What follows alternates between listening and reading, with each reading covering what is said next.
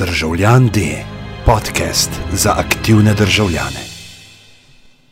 Evo nas, eh, dragi moji, lepo pozdravljeni. Danes je 15. november, oziroma pozor, eh, to poslušate 15. novembra, danes je 23. oktober, eh, frišno iz Amerike. Z nami je nova gostja, oziroma gostja Alma Mesedlar. Pogovarjali se bomo o njeni prvi in hkrati uh, najnovejši, logično, če je prva, je tudi najnovejša, knjigi uh, Žvižgači, mediji in korupcija. Uh, na koncu bomo sprašvali o protikorupcijski komisiji, tako da uh, boste mogli poslušati do konca.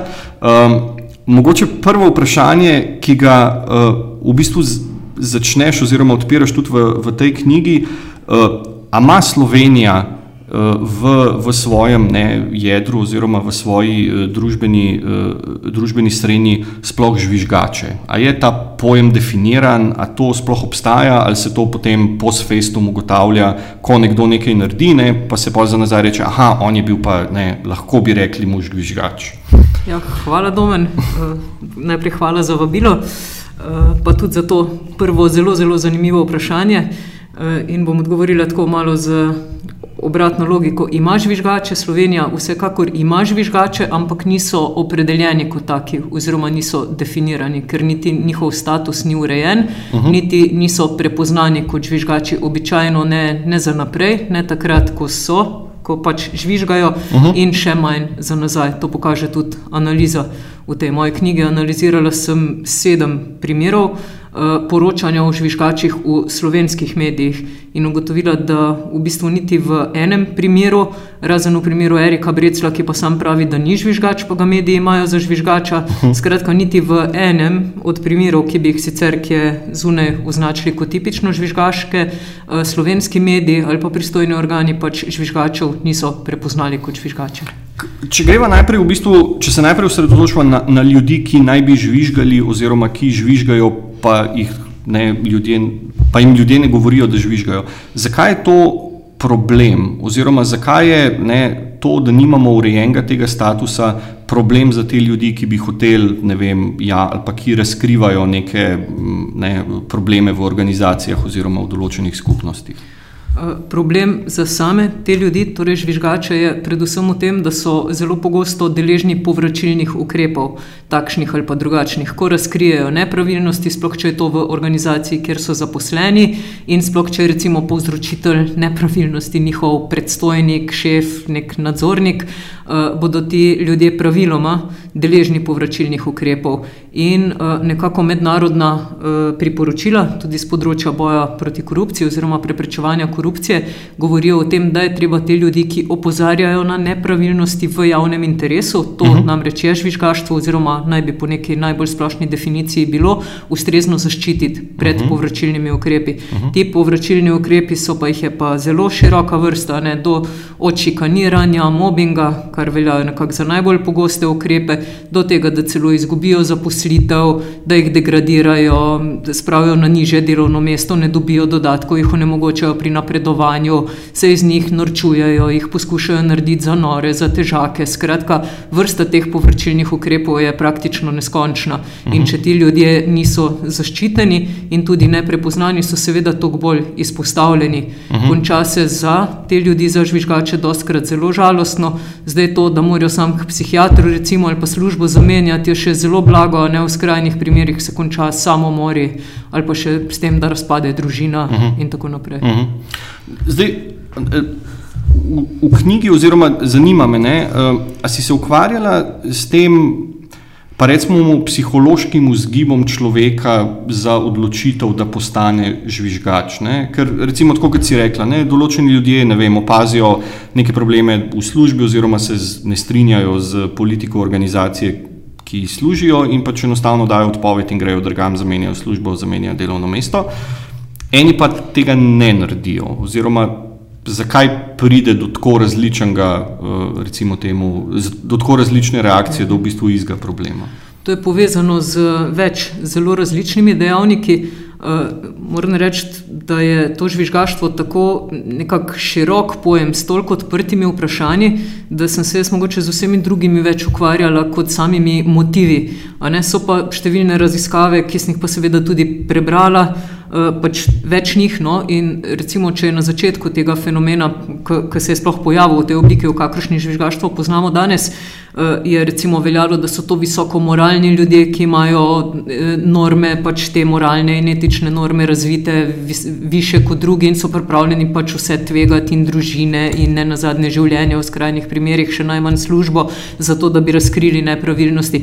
Potem s časoma se je ugotavljalo, da recimo žvižgači tudi niso nujno angeli mhm. in da si mogoče niti nima smisla o tem delati iluzij. Eh, se načeloma je vedno etična komponenta prisotna, zato ker gre za žvižganje v javnem interesu, ampak žvižgače lahko recimo različni motivi privedejo do tega, ne, da bodo žvižgali. Nekatere lahko tudi recimo obljubljena nagrada v sistemih ali pa organizacijah, kjer to ponujajo, uhum. druge pač res to, da jim je mar, da jim ni vseeno, kaj se dogaja z javnimi sredstvi in tako naprej. Skratka, tako kot smo različni, pač ljudje so tudi motivi žvižgačev in je to s časoma postajalo vse manj pomembno, kakšni so motivi, kot rečeno, važno, na, najpomembneje je, da gre za razkritje nepravilnosti v javnem interesu, uh -huh. kar potem prepreči neko škodo ali ne vem, javnim sredstvom ali javnemu zdravju, pa še uh -huh. kar en niz teh uh -huh. zadev je. Potem pa druga stvar, če se uh -huh. vrnem k tvojemu vprašanju, kako žvižgači to prenesejo, odvisno, odvisno je tudi od številnih drugih dejavnikov. Sem recimo v knjigi pač teh sedem slovenskih primerov, ki sem jih analizirala, uh, se je tudi zelo različno so se to zgodbe razpletale. Eni so morali pač uh, zapustiti svoje delovno mesto, oziroma kar večina, večino so poskušali diskreditirati tudi v medijih, pa tako naprej. Izjema tukaj je prav spet dr. Brecel, ki je opozarjal v določenem obdobju, kar več kot deset let na številne nepravilnosti, se zauzemal za javno zdravstvo, opozarjal na nepravilnosti na Onkološkem inštitutu. In kot sem ugotavljala, pač tudi skozi te raziskave in medijske analize, eh, dr. Brecel ima veliko srečo, da ima pač na svoji strani medije uh mhm. -huh. in javnost. Uh -huh. Zdaj tukaj je mogoče tudi malo sreča, da je on takšen, kot je, da je simpatičen, ljudje mu zaupajo. Drugo je tudi uh, to, da je zdravnik, ne? nekomu, ki je računovodja ali pa filozof, kot sem jaz, če se malo pošalim. Ne? Ne vem, uh -huh. Ljudje nimajo ravno ne vem, filozofi ne bojo prav dosti življenj rešili, doktor uh -huh. Brec jih pa rešuje. Recimo, ima nastop, kakršnega ima, in ima pač na nek način zelo veliko srečo, čeprav je seveda predvsem sam zaslužna, ne? zato uh -huh. se ni nihče drug. Je, mislim, da ta podpora javnosti, ki jo ima pa medijev, uh -huh. že velikrat rešila, da bi drugače uh -huh. bistveno slabše končal uh -huh. kot je. Ampak spet, to je od sreče odvisno. Uh, znova, če se vrnem, rabil bi sistem, ki bi to uredil za vse žvižgače, ne glede na to, koliko so psihično stabilni ali pa nestabilni ti si lahko čisto stabilna, ne? ampak če te nekdo napada, potem vsak dan, če te diskreditirajo v medijih, če nimaš več denarja, da bi vem, račune plačal doma, če ti uh, družina razpade, uh mhm. -huh. ne, se ti lahko potem tudi kakšne te druge posledice pojavijo, da ne zdržiš več. Sploh spet, če te nihče ne zaščiti. Uh mhm. -huh. Zdaj, če gledamo v bistvu to zgodovinsko premico ne, tega žvižgaštva, ki je mogoče ne, v, v ne rečem, popularno kulturo ne, prišla ne, tam nekje okrog leta, kdaj recimo 2010, takrat, ko so bili te, ta prva neka Snowden razkritja, pa, pa m, v bistvu, ko so se, ko so se ljudje uh, prvič mogoče s to zadevo začeli ukvarjati m, kot z nekim fenomenom informacijske družbe. Če temu tako rečemo. Ne, da so ljudje pač začeli ne vem, ali udirati v neke baze, ali so jih začeli znašati iz, iz nekih, iz nekih, um, iz nekih um, skupin oziroma organizacij, ne, čeprav je žvižgaštvo v bistvu tako skozi celo zgodovino ne, bilo nek del političnega, političnega sistema. Kakšno vlogo, malo si jo že nakazala, so pri tem igrali mediji? Oziroma, ne, tako kot si zdaj rekla, kako, kako naj bi se mediji obnašali do teh žvižgačev, oziroma koliko veliko vlogo imajo pri popularizaciji tega žvižgaštva medijev, oziroma ne generalno gledano, recimo neki kulturni delavci. Kot si že sam rekel, to žvižgaštvo je res fenomen, ki je prisoten že od nekdaj, že od časov Rimljanov, pravzaprav v različnih oblikah. Zdaj, moja knjiga ali pa raziskava se pa ukvarja s žvižgaštvom, kakršnega poznamo približno od leta 1972. Takrat je pač v Ameriki en potrošniški aktivist in tudi politik Ralph Neder uh, predlagal pač in ta termin žvižgaštvo in predlagal, da se mislim, da prav za, potroš, za zaščito potrošnikov, a ne pač uh, nekako uredi sistem. Eh, tistih, ki opozarjajo na vem, goljufije, uh -huh. kot, mhm. pač, ki so bili ogoljfani kot potrošniki, in potem se je prek tega začelo to razvijati v obliki, kot jo poznamo danes. Ja, potem te informacijske tehnologije, ne, Snowden, Assange, Wikileaks, so pa to razširili, tako da je zdaj postalo res nekako svetovno in prepoznaven in prepoznan fenomen, uh -huh. s katerim se pač ne, vem, ne bomo se mogli več nikoli delati, uh, da ga ni. Uh -huh. Kot se ne moramo delati, da so pač novi mediji, da so nove oblike novinarstva, uh mhm. -huh. nove oblike razkrivanja in na zadnje tudi pridobivanja informacij, uh mhm. -huh. kar si že samo omenil. Uh mhm. -huh. Zakaj je to? Oziroma, bom tako vprašal, ali so, so žvižgači anomalija ali so, ali so sestaven oziroma nek ključen del, recimo, temu demokracije? Eh, žvižgači so, po mojem mnenju, zelo pomembni za demokracijo, pa ne le po mojem. Recimo Evropsko sodišče za človekove pravice, na katerem se je že znašlo kar nekaj teh primerov žvižgačev, ki so recimo izgubili zaposlitev zaradi mhm. opozarjanja na nepravilnosti, uh, večinoma presoja te primere skozi prizmo uh, pravice do svobode izražanja. Mhm. torej, dokot gre ta pravica. Ne? A ima nekdo pravico ne vem, opozoriti, a ima tudi ne na zadnje opoz pravico opozoriti javnost, ker v žvižgaštvu lahko govorimo na dveh ravneh. Eno je tako imenovano interno ali notranje žvižgaštvo, to so žvižgači, ki opozorijo na nepravilnosti znotraj organizacije ali pa še uh mhm. recimo vem, nadzorni odbor ali pa nadzorni svet, skratka vse ostane znotraj, in pa drugi, ki grejo pač neposredno, ki se obrnejo neposredno na javnost, mogoče tudi na zunanje organe, ampak najpogosteje pa, ko govorimo o eksternem žvižgaštvu, žvižganju govorimo prav o medijih. Uh mhm. -huh. okay. Ampak, kot že rečeno, ali so, so to, recimo, ali to žvižgaštvo v bistvu nek, če rečemo temu, last resort ukrep, ne? da ko poskusiš vse ostalo in ne gre, ne? greš pač z podatki v javnost, ali bi bilo lahko. Ali Bi so, ali pa bi bili lahko žvižgači tudi nekdo, ki bi kar takoj, ne, se pravi, brez tega, da bi poskusil zadevo razrešiti znotraj organizacije, oziroma pri odgovornih, pa po uh, celi verigi. Ne. In bi šel potem, v bistvu, ko bi ugotovil, da se znotraj nič ne da narediti, ne bi potem rekel, ok, zdaj grem pa s tem v javnost. Prakse po državah so različne, tudi ko ta mednarodna priporočila o zaščiti žvižgačev ne govorijo eksplicitno, kako ne pač neka država to uredi. Naprej, ampak jaz bi tako mogoče malce čez palec. Bolj kot je demokratična država, prej bo dovolila žvižgaštvo v medijih brez mhm. nekih predpogojev.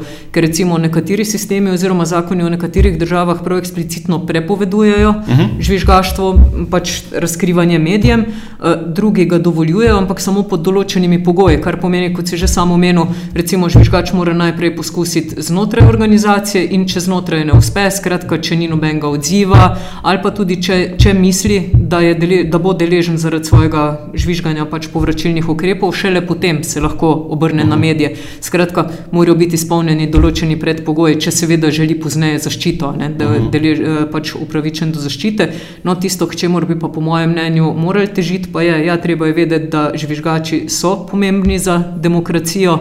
Treba je mogoče tudi vedeti, da to niso neki ne vem, konfliktneži, pa uporniki brez razloga, ne pa nekdo, uh mhm. -huh. ki bi hotel svoji uh, firmi pač, ali pa organizaciji, v kateri dela, škoditi, ampak so običajno res ljudje, ki pač ne morejo več prenesti nepravilnosti. Vse tukaj moramo tudi vedeti, da recimo v primeru.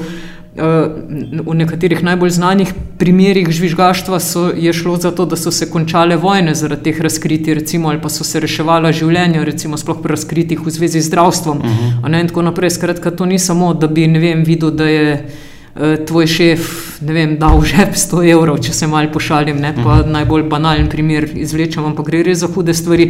Kot pravim, gre res za preprečevanje škode javnemu interesu. In vsak, ki mu je pač za ta interes mar, ki se zaveda pomena vem, tudi življenja v demokratični družbi, ne bi moral to spodbujati. Mhm. Res pa je, da pa nekako vzhodne, vzhodnoevropske države, kamor ne hočemo ali pa nočemo nekako sodimo na nek način, ali pa saj smo sodili z nekim uh mhm. -huh. delom po pretekle zgodovine, tudi mi, uh, se pa nekako čutijo mogoče bolj odpor, zato ker se žvižgačev nekako drži ta prizvok še vedno, vedno manj, ampak še vedno, da so informatori, da so skratka zelo se spominja tistega prejšnjega režima po drugi svetovni vojni, ne, ko se je uvajalo sosede, ko so končali tisti uvadeni sosedi, vemo, kje vse, ne, uh -huh. na katerih otokih in tako naprej. In tukaj je malo bolj negativen prizvok, kot je recimo na zahodu, kjer uh -huh. pa je jasno, da ja, žvižgači so pomembni, nikomor nočejo škoditi, škodijo seveda običajno povzročiteljem nepravilnosti, škodijo korporacijam, a ne ki jim je v interesu, ne vem, poslovati v davčnih oazah, pa uh -huh. početi, da ne govorimo, kaj vse se so znani vsi ti primeri, ne, ne vem, nezakonito zbirati naše osebne podatke in tako dalje. Seveda tem ni v interesu, da bi imeli žvižgače in kešele, da bi bili ti zaščiteni ali pa čislani in prepoznani kot heroji. Mm. Če greva zdaj v bistvu na, na naslednjo točko, se pravi najprej ne, status žvižgačev oziroma pozicija žvižgačev v, drugi, v družbi, druga stvar je v bistvu reprezentacija ne, skozi medije, skozi v bistvu neke, neke javne kanale. Um, v Sloveniji si že omenila, da imamo pač s tem različne m, izkušnje, če temu tako rečem, ne, odvisno od tega, kako kar je kar malo bizarno, ne, kako simpatičen je žvižgač. Ne. Tako da ne bi rekel, da je to v bistvu tak nek nasvet, ampak ne, bi pol rekel, da je žvižgači morate igrati vsaj tri inštrumente, pa imeti nek, nek nabor nekih šal, da pač ne prebijete let in da vas ljudje na tak način vzljubijo, če vas že ne bodo po nekem drugem kriteriju. Kaj bi, bilo, kaj bi se lahko recimo pri medijih spremeniti, oziroma kako, a, a obstaja nek pravilen postopek reprezentacije žvižgačev v medijih? Ja, se to ni neka jedrska fizika. Ne? Dovolj bi že bilo, da pač novinar, ki spremlja določene zadeve, recimo bolj področje ali gospodarstva, ali korupcije, ali ne nazadnje javnega zdravstva, ne, da pač prepozna, ko vidi, da ne vem mu je nekdo poslal pismo, recimo, če govorimo zdaj o tipičnem žvižgaštvu, torej ne govorimo o, o teh žvižgačih, ki so viri mhm. novinarjev uh -huh. ne, za informacije, ker tudi to, to je pač neka, nekako posebna vrsta, malo ločena uh -huh. od tega, o čemer govorimo. E, Naprimer, ne vem, pač nekdo opozori na neko nepravilnost, se s tem mogoče tudi javno izpostavi ali pa obrne na medije, in potem bodo uh, novinari poročali o njem kot o nekom, ki je imel tako in tako že v prejšnji službi težave, recimo, aha, se je ta pa ta, ne vem, minister je rekel, da je pa že tako težavna ne, in zdaj so ga razrešili, pa ga bojo razrešili, ker ne vem, kot je bilo v enem primeru, ministrstvo ni zadovoljno z njenim delom. Uh mhm. -huh. Šlo je za gospod, ki je opozorila na nepravilnosti pri gradnji enega doma upokojencev v slovenskih konicah in je bila direktorica tega doma ne, ni bila deležna sicer neposrednih povračilnih ukrepov, padla je v številne sodne postopke uh, in uh, oziroma eh, sodni postopki so se začeli zaradi njenih opozoril. Ne vem točno, kaj je bilo s temi njenimi sodnimi postopki, ampak ona je seveda morala iti. Ministrstvo, ki ga je ob enem tudi obtožilo nepravilnega delovanja v zvezi s to zadevo, je pač ni podaljšalo mandata, čež da niso zadovoljni z njenim delom. In po, potem je bilo, recimo v medijih, eh, so kar grdo poročali tudi o tej gospe. No, zdaj mislim, da je ne sedem let, odkar je prvič opozorila na te nepravilnosti, izkazali se je, da je imela vsem prav, ta dom je se na pol podira. Ne, ministrstvo oziroma država je vložila več milijonov našega denarja in je bilo tako, da bi ga vrgli z lopato skozi okno, mm. pa nikome ništa. Mm. Noben postopek ni končan še. Eh, proti tem povzročiteljem, ona je morala iti pa oditi od tam, pač zdegradirana, čež da je bila slaba direktorica in ima zdaj neko drugo službo. Ne. Mm. A se zna, ne, naslednje vprašanje, pa, če izhaja ravno iz te zgodbe, a, a se zna naš sistem recimo, odzivati na to žvižgaštvo? A, imamo, a imajo recimo vem, službe, ki, ki potem vem, prejmejo ta razkritja oziroma uh, neke, neke prijave nepravilnosti oziroma opozorila, da se nekaj dogaja, kar se ne bi smelo, a znajo na to odreagirati?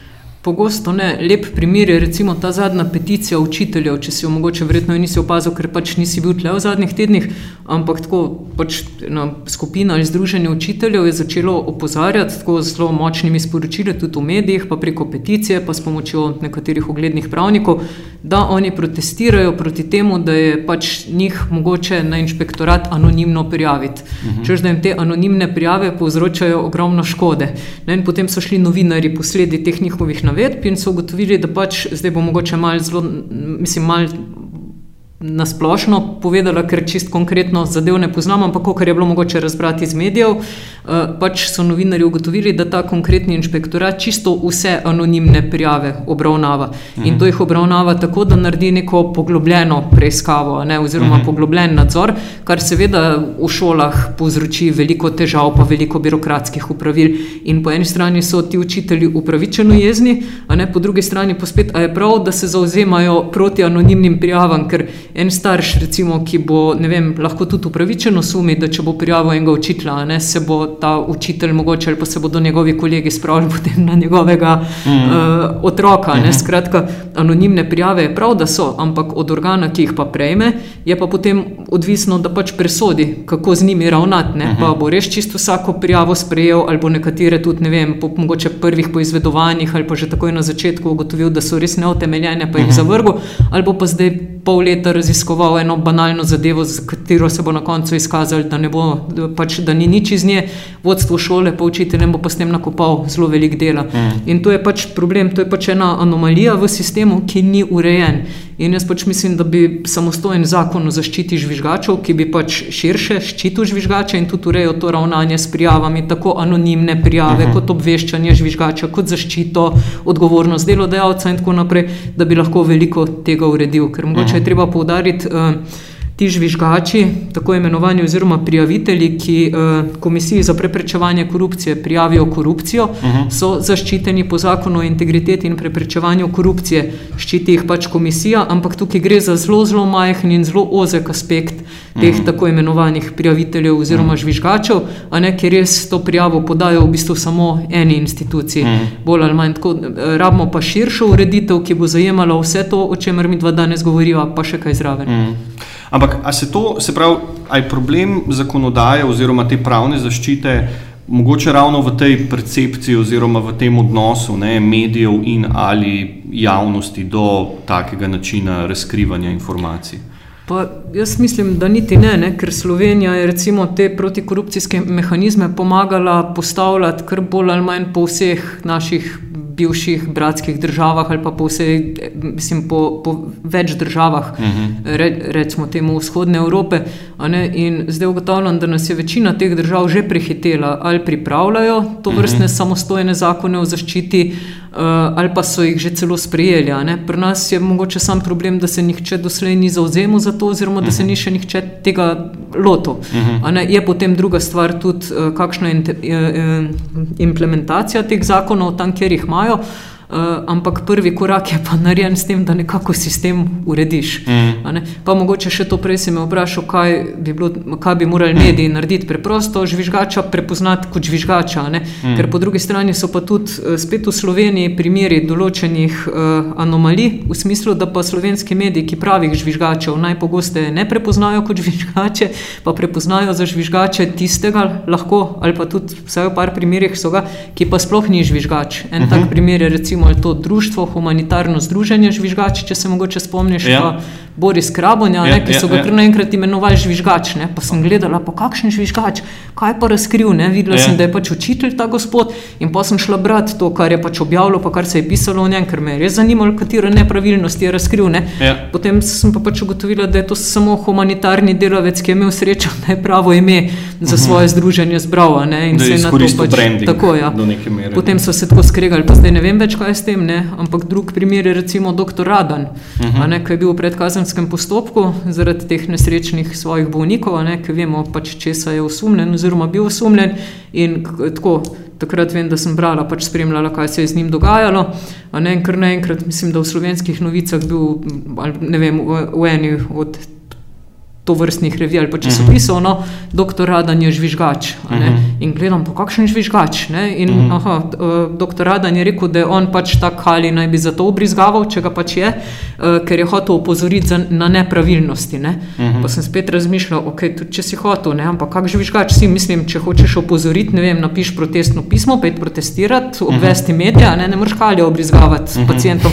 Ampak mediji so pač mirno napisali, ne, da je on pač žvižgač, ker je sam tako rekel. Uh -huh. Skratka, tudi z tega vidika bi bilo fino, da bi znali prepoznati. No, mediji bi že s tem ful veliko naredili. Ne? Pa potem ne bi v bistvu sodelovali več, saj ne tako slepo in tako nekritično pri diskreditacijah žvižgačev, ker tako pač mediji dostkrat ne hote, pri tem sodelujejo, pa v bistvu še bolj tunkajo žvižgača, ki bi mu zagotovo bi ga tudi sami bolj podprli ali pa drugače obravnavali, če bi znali prepoznati, da je žvižgač. A gre tle za, za neko, če uporabim priljubljeno frazo eh, enega od glav države, za neko prevzemanje oziroma ne prevzemanje odgovornosti, v bistvu pa čist na nivoju, če gremo najprej na nivoju definicije. Ne? Kdo, je, kdo se zdaj odloči, da bo nekoga opredelil kot žvižgača? Ne? Zdaj najlažje je, če, se, če nekdo pride do tebe in reče: Sam, ne, jaz sem žvižgač in ga potem v bistvu imenuje s tem, zato ker se je sam definiral. Ne? Ampak, če se moč pa ti, kot, vem, kot novinar, kot urednik, kot neka ne, tretja oseba ali pa oseba v, na drugi strani odločiti, ne, je pa to, se mi zdi, težko, oziroma se do tega ne pride, do te odločitve. Pogosto je zelo težko, tudi ko ko recimo govorimo o virih, o teh žvižgačih, ki so viri za novinarje. Vsi žvižgači, pa tudi novinarski viri, lahko imajo zelo različne vzgibe. recimo to, kar smo se že prej, predtem si vključil mikrofon, malce na hitro pogovarjala. lahko se tudi, ne vem, pač si v neki politični stranki, pa se odločiš, da boš malo konkurenci ponagajal pred volitvami, a ne pa ne, ne seš neki novinarju. Pač, ne, in potem bi spet prej rekla, da si informator kot žvižgač, ne, ker to pač počneš res z nekim drugim namenom.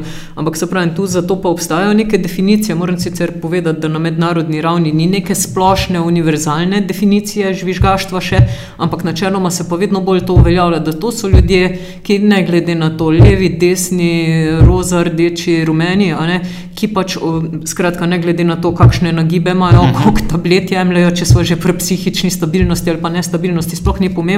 To so ljudje, ki opozarjajo na nepravilnosti v javnem interesu. In to je to.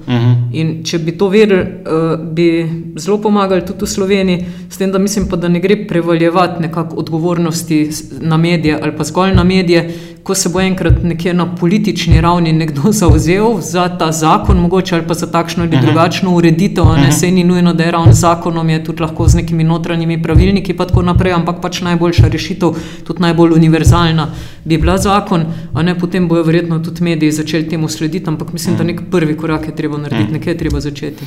Če, če greva potem kar na to naslednje vprašanje, ne, kdo na političnem bi se mogel, oziroma komu bi taka prožvižgaška drža najbolj, ne vem, najbolj pristojala v slovenski politiki, če gledaš. Recimo, ne, ti kot eh, novinarka, oziroma kot bivša novinarka. Poznaš uh, razmere na trgu, če tako rečemo, ne? komu bi najbolj pasala ta, oziroma kdo bi lahko največ koristnega naredil na tem področju. Ne zdaj kot oseba, ampak kot funkcija, mogoče najprej, da ločva. Ja, kdorkoli pač iz izvršilnega dela oblasti, ne, če malo diplomatsko odgovorim. Drugače me pa to zdaj spomnil, prej si rekel, da bova o KPK govorila na koncu, ne, jaz sicer raje ne bi, ali pa bi čim manj, ne, ker je to zgodba, ki je za mano, ampak to vprašanje je približno tako, kot če bi me vprašal, komu ustreza trenutno stanje na KPK, a ne pa bi lahko rekla vsem, komu, naprimer komu v politiki, ampak to zdaj nasplošno govorijo, pa mal se šalim, a ne, to je podobno kot zdaj, ko si me vprašal, kdo od politike si želi, da bi imeli zaščitene žvižgače. Ja, seveda nihče, ne, tako si nobena korporacija, razen seveda tistih, ki so ugotovili, da jim recimo, če se jim znotraj dogaja nekaj, tako kot se je recimo Siemensu, pa še komu, ne, eh, so potem pač drago jih je stalo, da so ugotovili, da je bolj, da imajo ta notranji sistem prijav urejen, a ne, in se bojo s tem res hudi, hudi škodi uh, izognili in so pač te stvari uredili. a ne. Pri nas še žal nismo tako daleč in ja, približno tak je odgovor. a ne. Uh, Kaj si rekla, pa spet nadaljujeva, v bistvu dobra finta. Eh, Ne, nismo še tako daleč. Ne, eh, pa recimo, dobro, pa po mojih izkušnjah, oziroma čisto tudi neke osebne zgodbe z vem, programskim svetom, pa z zakonom mm. o medijih, oziroma zakonodajo na medijskem področju. Ne, Približno isti problem. Ne? Vsem ustreza, da se stanje ne uredi, oziroma vsi, ko pridejo na pozicijo oblasti, rečejo, no, sej to je v redu, dokler, so na, dokler žvižgajo naši, ne? Ja. oziroma dokler so pač te, ki, ki povzročajo neke probleme na naši strani, ne? potem, ko, pa, eh, ko se pa zadeva zamenja, ne? bomo pa v bistvu takrat začeli ne ropotati oziroma se pritoževati nad tem. Tako, zakaj? Mislim, v čem je? ne- ni- Jaz si nisem nekako znal čist dobro razložiti, kako lahko pristaneš na to, da ne, da, da ne glede na to, kje si, ne, imaš pač ne vem, možnost, da te nekdo nekam štihne. Ne. Zakaj ne bi pač rekel, ok, da imamo zdaj te najbolj nevarne stvari pospraviti z mize, pa se da imamo štihati ne vem, s kakšnimi bolj, manj bolečimi zadevami. Ja. To je spet zanimivo in kompleksno vprašanje, na, na katerega ni enoznačnega odgovora. No, ampak se je tako. Pač, tako po tvojem, ne vem, se, se, enega odgovora najbrž ni. Bo, vsakega, ki bom vprašal, bo imel nekaj. Ampak tako, kaj, zakaj, recimo, ne, ampak tudi, dober, pa ne glih KPK zgodba ali pa kakšna druga zgodba. Recimo tudi te uh, ne vem, uh, zgodbe z delo revijami, če greva malo nazaj. Ne. No, se tudi z RTV-jem, kar je bila tvoja zgodba. Isto, ne, pač, ne, vidiš, da je ta vzorc je v bistvu dosti podoben pri vseh. Ja. Zelo malo je tega, da se. Da se um, da se v bistvu na nivoju neke kolektivne odločitve, oziroma z nivoja moči nekaj spremeni, pa hkrati tudi to, ne, pa tlemo tudi podobno, recimo, pozicijo, ne, da takoj, ko nekdo bi pa hotel, okay, ne, je pa takoj, ne, tako kot si prej rekla, ne, vse drugo problem, sam to ne, za kar se zauzema, oziroma na kar opozarja. Ne. Mogoče, mogoče, jaz sicer se ne ukvarjam s politiko, niti se ne želim, nikoli se nisem, ampak mogoče je delno kriva tudi ta tako, vem, tako imenovana enodnevna politika. Skratka, ljudje, ki na hitro prevzamejo oblast ali pa pridejo na oblast, pa nimam mm. nikogar konkretnega v mislih, ne? ampak verjetno se potem tudi bolj kratkoročno gleda. Ne? Ker prideš, ne vem, misliš, da boš samo en mandat, to smo zdaj v zadnjih 20 letih že parkrat doživeli ali pa videli, in potem ti je pač vseeno, kaj bo čez pet let.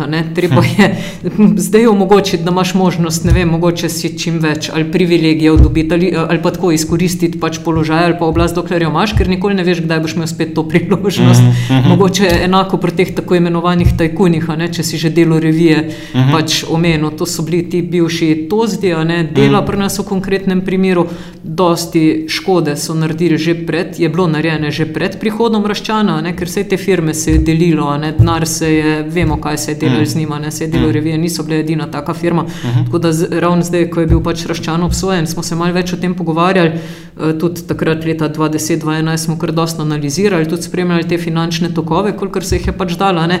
In prišli do zaključka, da bi delo revije, pač, če ne prej začetkom krize ali pa malo potem, verjetno čakala ista usoda. Mm. Pač, ampak mogoče vse na mal manj boleč način, no? pa na mal manj hitro, kot se je to mhm. zgodilo mm -hmm. z raščanom. Ampak če ne bi bilo prej nastavkov, mm -hmm. ker tudi ni, mislim, da nihče kaj veliko o daljni prihodnosti razmišljal. Mm -hmm. Takrat je bilo pač treba pograbiti, kar se je dalo, ne se je bila polna ne, mm. ponujali se je in kdo je bil v pravem času na pravem mestu, je pač to mm. naredil, ne, ne da bi mm. razmišljal kaj bo čez 20 let. Se podobno je bilo recimo z novinarji, ki so kar svoje delnice prodajali, ne, zato mm. da so si avto kupili, mm. potem ko so bili pa ne vem, čez par let odpuščeni ali pa dobili mm. novega lastnika, so pa protestirali, ne, ampak tako kot rečejo, ne ravno v celju, no, čeprav v celju to, pač, pač v mojem rodnem celju to priljubljen rek. Poslejo nema kajanja. Mm, ne, mm. Tako da tukaj rabimo tudi mogoče malo daljšo tradicijo demokracije, parlamentarnega in dela in razpravljanja politike, mogoče tudi več profesionalnih politikov, ne, ne pa mm. samo nove obraze, ki pridejo do besedno čist neznanje, ne vem, ali z mm. ceste ali na neke funkcije, ne pa pač mm. počnejo, kar počnejo za tisto kratko obdobje, ker se pravi, nikoli ne veš, kdaj boš imel naslednjo priložnost. Mm. Ampak to je samo čista mala intimna teorija, ki sploh ni nujno, da mm. Drži. Ne, ker ravno to je, ne, vse, pač vse teorije so v bistvu teorije, oziroma ne, do določene mere mnenja, ne, ker, ker nekako nimamo izdelanega. Ne, nekega, da bi rekli, neke, nekega preverjenega vzorca na tem področju. Ne, tudi če gledaš zdaj, recimo, prvi krok predsedniške tekme, ne, pa ta podcast se mi zdi, da bo objavljen. Po drugem krogu. Aha, to me to laži, ali se res hočemo vmešavati, da se vse nisem.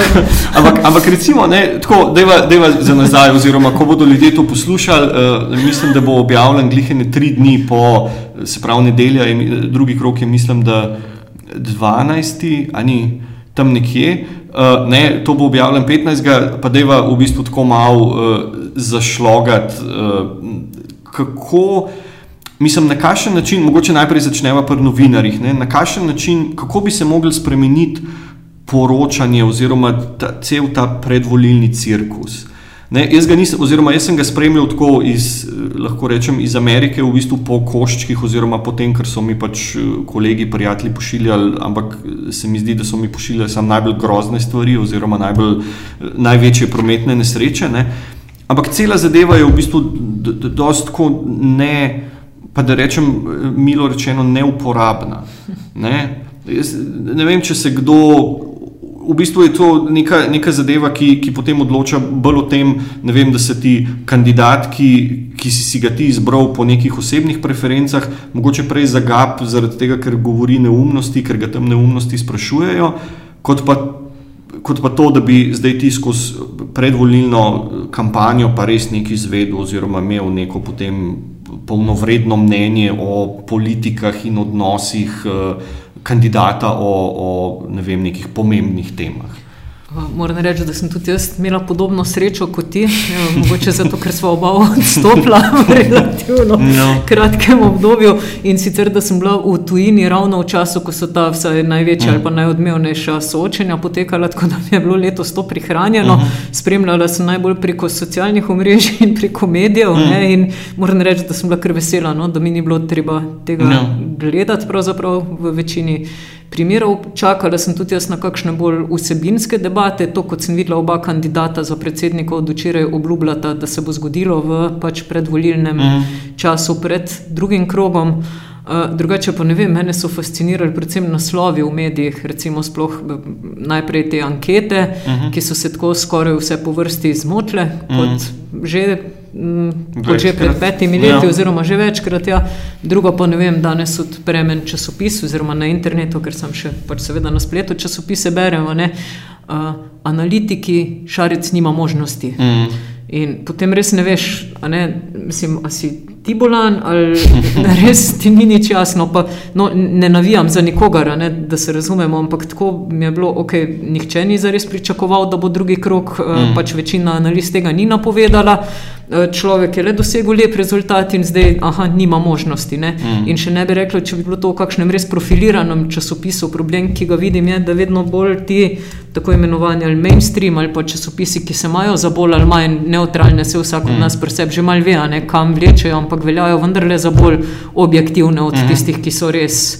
Eh, radikalizirana rumenila, kot jim mm. ponovem rečem, odkar so se nekateri od teh tudi name spravili. Ampak skratka, tako, no, zelo, meni se zdi, da zelo, zelo navijaško ali pa pristransko, no, mogoče tudi kdaj ne hote. In to, to je pač tisto, kar sem zaznavala. Mm. In spet ne rečem, da samo za enega kandidata, ne pač nekako vsak je imel nekega svojega favorita in potem je šlo vse od naslovov do člankov, mm. pogosto v tej smeri. Mm.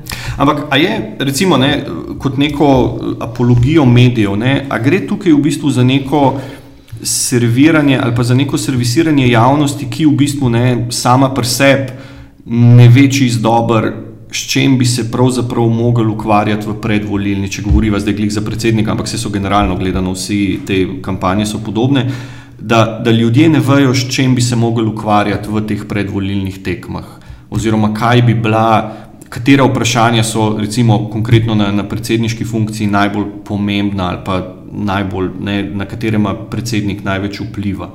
Ne, ker če bi zdaj vprašala, ne vem, pa ne, spet ne glede na to, katerega kandidata, eh, za katerega kandidata so ljudje volili, ne, jaz dvomim, da bi ti nekdo dal res neko tako. Nek tak odgovor, iz katerega bi bilo razvidno, da razume širino funkcije. Ne? Ampak bi rekel, ne, tako kot si rekla, pri žvižgačih, ja, zato ker je vem, simpatičen, ali pa zato ker lepo govori, ali pa zato ker vem, je bil unta drug čuden. Ne? Uh, mislim, hočem reči, da, da je problem, da se mediji kot nekdo, ki, ki bi mogel vseeno vedeti neke stvari, ne, v bistvu obnaša samo kot serviser nekoga, ki ne ve manj, pa s tem ni nič narobe. Jaz se pravim, nočem se opredeljevati, ne, ampak ta neka nekritičnost medijev me je tudi kar presenetila. Recimo, se zdaj spet žal bo delovalo, kot da leti vse na pač aktualnega favorita, ne, pa mm. ne, nimam njega konkretno v mislih, oziroma se ne opredeljujem, ampak on je pač tisti, ki je bil seveda najbolj prisoten v medijih. Mm. Okay, če gre hoditi, ne vem, 100 ali pa 700 km, ali pa se, če bi se šel tu čarec ali pa kdorkoli drug, ali pa ljudmila Novak zaradi mene, ali pa lahko bi šla ona most, recimo, mm. ne vem, ali kakorkoli. Ja. ali pa se Šiško bi se lahko postavil z neko nacistično zastavo, ne se, se Ja. tudi je, kot vem.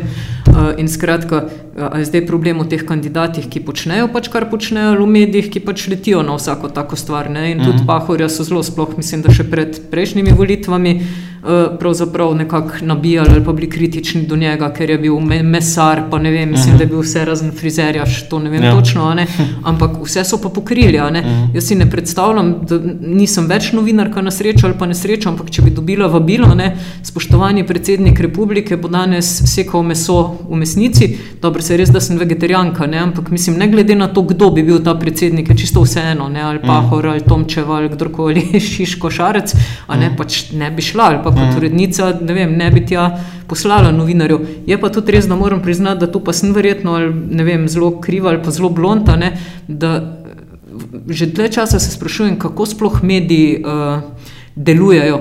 Večkrat sem v zadnjem času sploh slišala, da imajo recimo nekatere televizije prav seznam tistih, ki jih ne smejo povabiti v nekatere uh -huh. svoje najbolj gledane oddaje. Ne? Uh -huh. In to pač, kad ko slišiš, si ne moreš niti predstavljati, ne? ali pa da so recimo nekateri novinari plačani.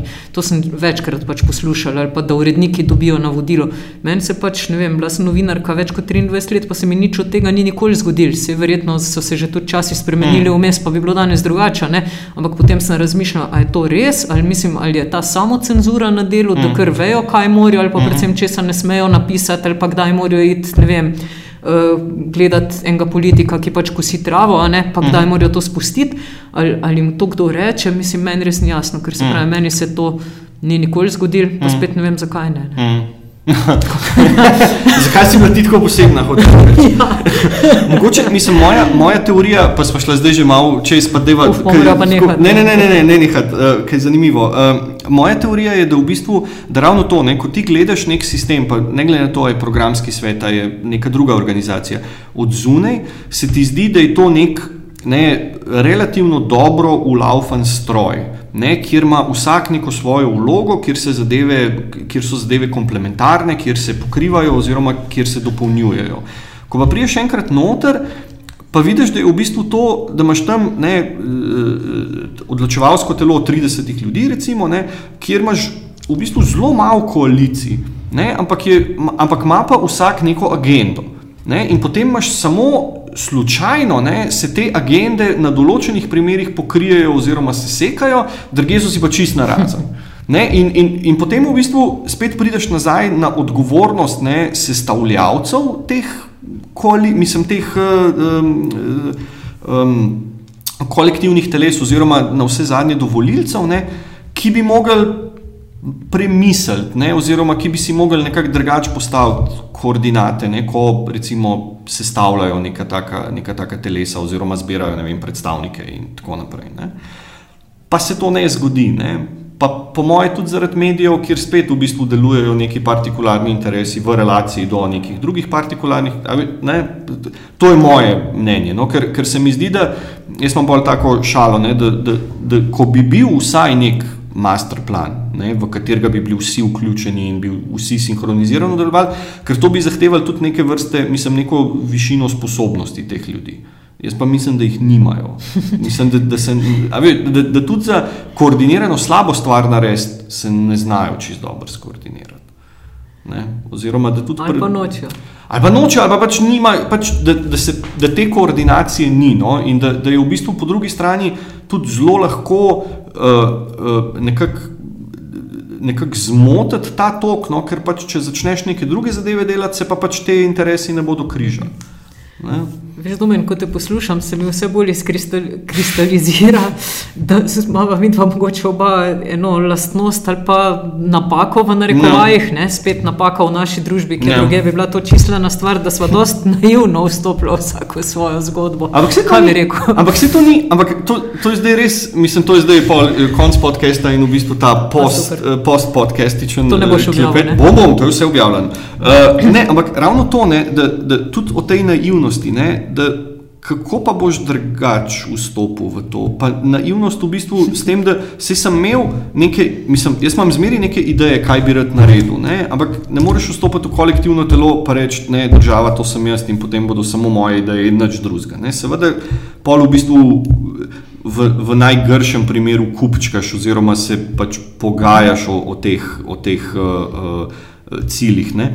Ampak to še zmeraj ne pomeni, da, da pa vstopiš noter zavestno v smislu, da bom pa samo na, na teh svojih interesih delal. Ne? Oziroma, da bom samo, tle imam seznam, eh, seznam ciljev, ki so vezani samo na moje dobro, oziroma na tisto, kar me zanima, vse ostalo me pa v bistvu ne mhm. zanima, oziroma pač s tem se pa sploh ne bom ukvarjal.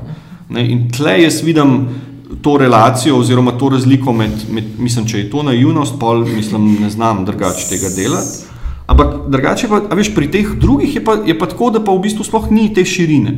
Ne? In moje, mogoče, evo, zaključno vprašanje ne, kako v bistvu v, eh, v postopku izbora ne, nekako detektirati to širino. Ali pa nekako detektirati, da človek recimo tega nima. Ne, ne moreš, pa v večini primerov je problem, ne, da se ne more, ampak da se niti noče. Ja. Lahko uh, kdo samo preseneti, kot si verjetno ti v no. programskem svetu, pa kot so najbrž tudi jaz to KPK. Ne? Ker moram reči, da sem zelo dolg mislil, da je recimo nekdo drug problem tam. Uh mhm. -huh. Potem sem šele ugotovila, da ne, da tisti nekdo ali pa tista dva ali pa več nekaterih, a ne, krasno padejo v sistem. Jaz sem tista, ki je napaka. No. Ne, mogoče si bil tudi ti, no. ampak jaz bi pa vseeno mal te vloge uh, zdaj obrnila, pa te vseeno. Tako moram ti povedati, da sem ti pa ful zamirila, ko si odstopil. No. Sicer si takrat nisem mislila, da bom sama čez par mesecev isto no. naredila. Ampak vseeno, kaj se ti je v resnici prelomil? Kdaj, jaz mi, mislim, jaz kdaj mislim, si nehal biti naivn? Lej, ne, jaz mislim, da pač naiven sem še zmeraj. Jaz sem sam, pač in tudi, ne, tako kot sem pol rekel, ne, moj odstop ni. Uh, naj se moj odstop ne razume, da je funkcija programskega sveta neuporabna, ampak da rabimo več takih ljudi, kot sem jaz, zaradi tega, ker pač ne, moraš imeti neko koalicijo, oziroma če si tam eden, ne, je, je brez veze, da ne, da, da daješ vtis, da se nekaj dogaja, kar se v bistvu ne. Mm. ne in mogoče vrnemo vprašanje, po mojem mnenju, si ti čist predolgo ustrajala. Ampak, ampak, ampak ravno to, ne, da, pa, pa lahko potem še o tem rečemo, o, o, o, o pomenu odstopa v slovenski kulturi. Ja, ampak tem boš pogasnil. ampak meni je bil v bistvu ravno problem, ne, je bilo to, da sem res videl, da se da se zelo malokrat, oziroma da, so, da, da je skrb za, uh, za, uh, um, za neke te splošne interese, oziroma za javno dobro, kot velikrat v predvoljeni kampanji slišiš, da je to v bistvu minimalen del celotne operative. Mm -hmm. In potem sem, potem sem jaz del pa malo tako čist iz svojega, ne, ker sem šel v to zgodbo, oziroma se sem mislim, da tudi napisal, ne, da pač če greš v neke zgodbe, kjer je, kjer je ključna neka moralna drža, oziroma kjer tega ne delaš v prvem, eh, v prvem eh, planu zaradi eh, materialnih dobrin, ki ti omogočajo, ki ti omogočajo preživetje, ne, je pa brez veze, da se, da se ravno na tem mestu kompromitiraš ravno na tem mhm. pač nivoju, zaradi katerega si šel noter. Ne, in pač odstopil sem, sem povedal, pač takrat, da, da ne, ker smo cel postopek proti uh, zdajšnji direktorici televizije eh, vodili z ugotavljanjem nepravilnosti in so bile te nepravilnosti ugotovljene. Je pač bilo na koncu, ko smo glasovali o, dejanskem, uh, o dejanski razrešitvi, na podlagi že ugotovljenih kršitev, je bilo za me to proforma. Mislim, če ugotoviš kršitev, to je glih to, kar bi te policaj dubu na radar, potem bi te pa vstavil in bi ti rekel, a ne, ne, ne bom, ha, ha, ha, ne, si smo samo, vi ste sicer prehiter vozil, to smo zmerali, ampak ne, ne, ne, ne bomo dal kazni. Čeprav piše, da, da je pač. Da je tisto, kot ti da listek, je v bistvu pro forma, ni zdaj faktor, a ti bo dejansko dal listek ali ne. Uh mhm. -huh. In takrat sem rekel, pa dobro, pa, pa, brez, mislim, pa, pa brez, brez veze, da se tukaj, ker, ker potem, ne, ko pa ti enkrat zanikaš lastne postopke, To je po mojem isto vlog, mislim, isti problem kot na KPK-ju. Ko ti zanikaš lastno, lastno proceduro, lasten obstoj, lastno funkcijo v sistemu, je pa brez veze, da ta funkcija obstaja. Mislim, pol, če, če, mislim, ne, da funkcija obstaja. Je brez veze, da si na tem položaju v tej da funkciji. Sedaš, ja. Ker je brez veze, ker pol je, pol je čisto vse en, pol je ali je ta funkcija ali je pa ni. Ne? Če, če ti itak ne dela tistega, kar, kar bi mogla delati, oziroma če nisi sposoben tistega delati, za kar te imajo tam. Vem, log, mislim, logično, da je špal, mislim, logično, da bo. Ker meni se je tudi recimo zdel, pa sem v primerjavi s tabo, se mi zdi hitreje odreagiral, ampak se mi je zdel, da sem bil tam z vsem tem, kar se tam dogaja, pač predolg tam. Ne, oziroma, da bi mogel že prej. Ampak potem pa prideš do tega drugega problema, ne, pač funkcija oziroma pomen odstopa. Ne, in pomen tega, recimo, zdaj so imenovali nove eh, programske svetnike, in pač, lej, jaz lahko komentiram, niso naredili najboljšega izbora. Ne, ampak to spet zaradi tega, ker je pač od zadaj ni, oziroma ker je pač v celem postopku imenovanja ne, vprašanje po kakšnem filtriranju. eh, Ne. Pa si verjel, da se bo kaj spremenilo s tvojim odstopom? Mislim, Si sploh razmišljal? Pač ni, jaz nisem odstopil, bom tako rekel, nisem odstopil zaradi tega, ker sem mislil, da se bo kaj spremenilo. Ne, Odstopil sem zaradi tega, ker sem pač res kot, kot svojo ulogo, oziroma kot svojo, ne, ko bom čez 20 let kandidiral za predsednika republike, ha, ha, ne, da mi ne bo noben očital, da sem pač držal štango nekim postopkom, proti katerim oziroma s katerimi se nisem strinjal. Ne, eh, seveda je pa pol. In tukaj spet pač ta uh, uh, širina eh, tega eh, kolektiva, oziroma sodelovanje kolektiva. Tako kot sem rekel, ne, moj odstop bi se mogel, oziroma naj se razume kot to, da rabimo več takih ljudi, ne manj. Ne, ker če ti v bistvu nehaš sodelovati, oziroma če nehaš, eh, če, če za vsako funkcijo, oziroma pri vsaki funkciji rečeš, da je funkcija nekoristna, misliš pa v bistvu, da je človek, ki opravlja to funkcijo, nekoristen, s tem delaš v bistvu škodo demokraciji. Ne, ker potem se kar naenkrat ne pogovarjamo o tem, tega človeka je treba zamenjati s funkcije, ampak rečemo, da to funkcijo je treba ukiniti. Ja, ampak če odideš, bo takšen, ne, pač Ja. moralne drže, kar Ja. je sicer prav in nedvomno si jo izkazal, ampak ja. bo takšnih ljudi manj, ne več. Ampak ni, ampak lej, glih to je problem, ne, da, jaz te razumem in imaš, ti imaš ta argument in je čist legitimen in si tudi zaradi tega tako dolgo ustrajala v tem. Ne. Se še sama ne vem, zakaj sem. Ampak ne, ker si, ker si, si, si to, to smo, ne, ker sem te tudi jaz v bistvu provociral, ne, da, da pač, če že skozi govoriš, da nič ne moreš narediti in, in da je cela zadeva pač uh, disfunkcionalna zaradi ljudi, ki so tam nastavljeni oziroma ki upravljajo to funkcijo, ja, meni bi se zdelo to večja škoda. Ker, kot že rečeno, ne, če ti stojiš na poziciji in v bistvu svojim in opozarjaš, da, je, da, je, ne, da so eh, v tej funkciji ljudje, ki niso dorasli svoji vlogi, ljudje zelo hitro to enačijo, aha, ta funkcija je nekoristna. In jaz nisem hotel tega. Pač jaz sem hotel in še zmeraj hočem in se tudi zdaj ukvarjam s tem, da ne rečem eh, s kampanjo za, za ne, zdaj gre v naslednjem, mislim, da decembra ali februarja gre ven dve tretjini programskega sveta in bo dve tretjini pač novih mest, če ne bodo prej volitve, oziroma bohe, kaj se bo zgodilo.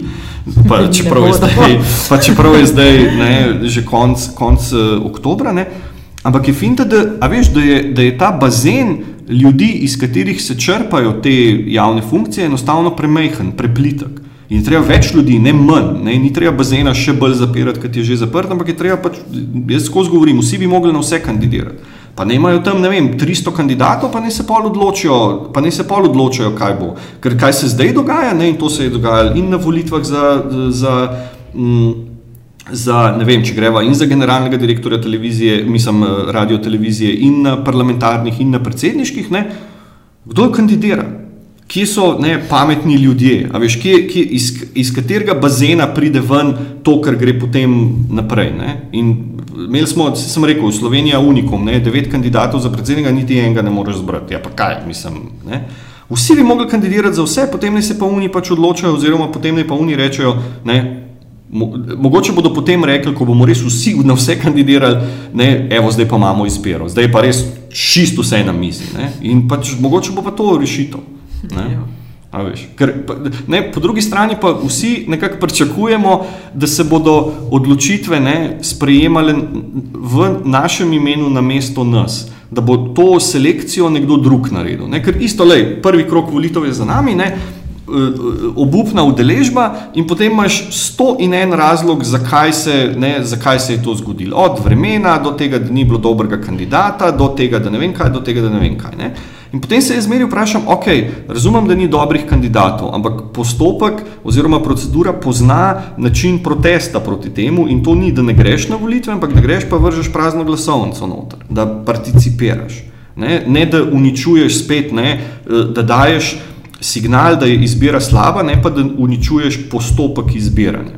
Ne, ker pa na koncu lahko rečemo, le, pa imamo, razsvetljenega monarha, pa naj bo kralj, pa smo zaključili zadevo. Pa, pa sploh ne rabimo več uh, nobene funkcije, pa sploh ne rabimo nobenega postopka, ampak naj se vse kar tako dogaja, pač neki ad hoc, pa neki v bistvu čez nekimi osebnimi preferencami. Ne? Ker se mi zdi, da ljudje z abstinenco ravno to sporočajo. Ne? Postopki so brez veze, to je vse treparija, kar dajte se vi neki odločiti. Mogoče imajo pa preprosto dost ljudje tako. Mogoče pa ne vem, mogoče je politika preveč oddaljena od njih, mogoče jih ne zadeva, živijo svoje življenja, so v neke svoje kroge upeti, socialne mreže.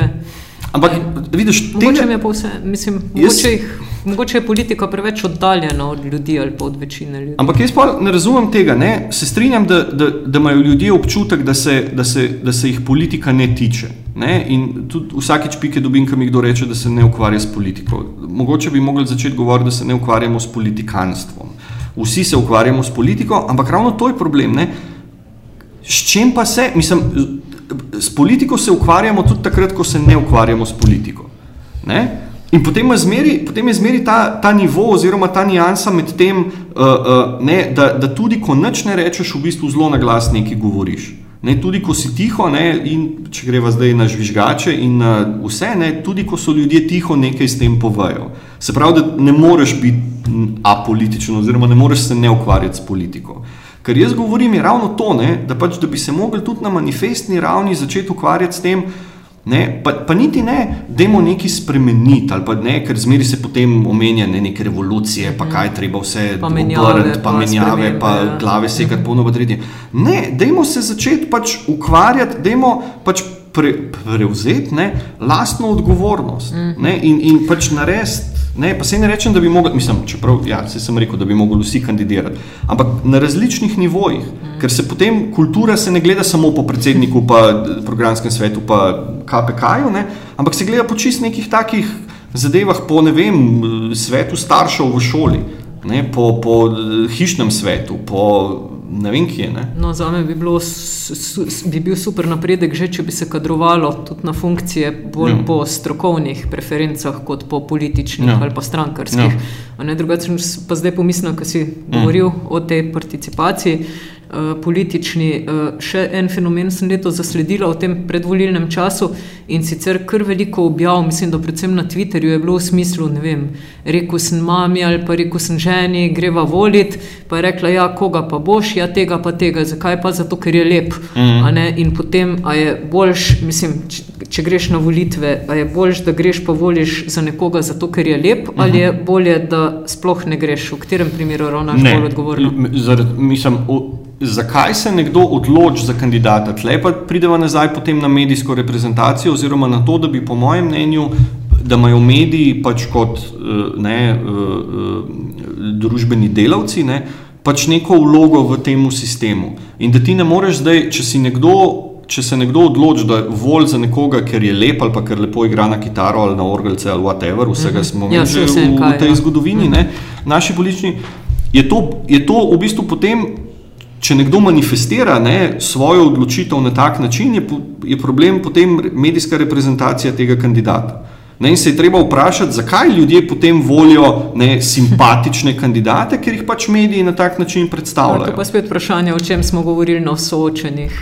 No, ampak to je pa spet uredniška, oziroma to je pa spet prevzemanje odgovornosti, ki v medijih, sploh pri urednikih, in to je nekaj, kar ne vem, s Kučičem, Tumbava, pa najbrž ne samo midva, ampak tudi ostali, že ne vem, Milosavič, že zadnjih ne vem koliko let, ne, da se pač mediji in novinari zaradi različnih razlogov, ne govorim, da so pač krivi stoprocentno, seveda imajo tudi neke, recimo, objektivne razloge, ampak se ne zavedajo pomembnosti svojega dela. In ne, potem prideš v fazo, ko, bi, ko se novinari v bistvu ne zavedajo svojega dela in ga slabo delajo, uh, uh, volilci na odgovor tega slabo opravljenega dela naredijo neko napako in potem novinari rečejo, a ja, no, vse to je pa njim všeč, vse pa bomo pa ne. Če, pa nam, če nam pa bralci ne bodo rekli, mi bi pa radi točno to, pa to, pa to, pa to, ne, pa ne bomo tega delali, ker mi do tega ne čutimo nobene odgovornosti. Okay, en aspekt je že lahko gledanost, to se ja. zagotovo velja, mislim, igra pomembno vlogo, ja. ampak drugo pa je, se reko, uredniške odločitve. Ampak ja. sem, sem ob tem pomislil, kdo sploh sprejema to, te odločitve danes. A vemo, uredniki, sami novinari, lastniki, lobisti. Ja politika, mislim, sploh tako kot smo že prej rekla, ne, Ja. sploh ne vem, odkot nekaj pride do novinarja. V smislu, kaj bo pokril, pa kaj ne bo. a Ne? A, a je prisotna samo cenzura, ali je ne vem, odvisno spet od vremena, Ja. ali je pa od nečesa, česar se sam niti zaveda. Ne? Jaz bom tako, no, po, po, lastnih, mislim, po lastnih izkušnjah iz medijev, pa potem, ker sem se recimo pogovarjal z drugimi novinarji ali pa z drugimi recimo, sodelavci iz podobnih okvirov, zelo velik je pač nekega egoizma oziroma nekega, da ne rečem, samoodločanja. V zelo majhnih primerih gre za neko, kot že rečeno, sistemsko funkcijo. Mogoče gre v najslabšem ali pa v najboljšem primeru v tej relaciji za avtocenzuro. Ampak da bi pa to bila zadeva, ki bi, ne, ne vem, pa sem delal na dnevniku, pa ne, so me takrat v bistvu vsi sprašvali, ja, ne, pa, pa hodijo hvam trkati na vrata in vam tam listke rinejo, kaj pisati, pa kaj ne. To se ni nikoli zgodilo. Dogaja se pa to, da so pač določeni ljudje Tebi pisali. se ni nikoli Ampak, zgodilo. ne, ampak tudi, a veš, vse vidiš po hiši, pač, da, se, da se določeni ljudje so, so, in to je v bistvu najhuj, in to je spet problem izbire, ne, da se določeni ljudje obnašajo na napačen, na napačen način, pod narekovaj, brez tega, da bi jim kdo kaj rekel, da se morajo tako obnašati. In je isto pri programskem svetu. Noben ne hodi tja in ne maha z nekimi papirji, ampak ljudje delajo to kar brez tega. Ne? In, je Ja. to, in je potem spet problem izbire, oziroma, kot že rečeno, prevzemanje odgovornosti in to, da bi mogli ljudje, oziroma tisti, ki pač take kadre nastavljajo, tako kot si rekla, ne, na določene pozicije pač malo pomisliti. Ker se, ne vem. No. Ker potem je, malo, potem je pa spet neodgovorno, ne, da se čudiš, da, da človeka, ki, za katerega veš, kako bo odreagiral, ker ne, pač poznaš njegov profil, ga nastaviš na neko pozicijo, ki je totalno ne, nekompetenten. Oziroma, da je se mogoče ga pa ravno zato ne. nastaviš. To je pa vprašanje pol volilcev, oziroma to je pa pol. To pa lahko čisto enostavno preveriš, ne, da zahtevaš odgovornost od človeka, ki je neke kadre nastavil, in če on ne odreagira, pol veš, da je to naredil zaradi tega, ker pač. Ja, tega Ima pa v Sloveniji ni, jaz mislim, da bo morala zaključiti, ker nočem te preganjati, ampak mislim, da ja. absolutno ne bo nihče tega poslušal, ker smo tako Bo predolgo. poslušal, to bo najbolj poslušan podcast. Ampak, a veš, na to forum. Ampak ne samo to, prej si omenil odstope, kultura ali ne kultura Evo, odstopov v. Sloveniji. Ja. Ne? In tle sem pa spet pomislil, ja, mislim, da imajo kar neizčrpne vire inspiracije in navdiha. Mm. Ampak tudi kultura ali ne kultura odgovornosti oziroma neodgovornosti, kdo v Sloveniji od ne vem, nekih nosilcev funkcij, mm. razen če je hotel kdo z njim ravno že politično obračunati, je pa že prevzel odgovornost recimo za kakšno imenovanje, za kakšno mm. svojo sa- slabo odločitev. Mm. Mislim, da tudi, tudi to, ja, pač mlada demokracija, demokracija smo še ravno dobro izplenic, no, tako da mislim, da še rabimo. No, mm. Pravzaprav pr, skoraj v vseh temah, o katerih smo danes mm. govorili, še nekaj časa, mm. da se razvijemo. Mo- Mogoče sam tako, no, kot zaključek. Moje mnenje glede vsega ne, je to, da, se, da, da je pač kultura nesprejemanja odločitev in da se potem vse prelaga na volilno telo, ki je pa v bistvu v tem primeru najslabši, uh, najslabši uh, faktor odločanja. In dokler se to ne bo spremenilo, oziroma dokler to volilno telo, pa nočem reči, da je to edina rešitev.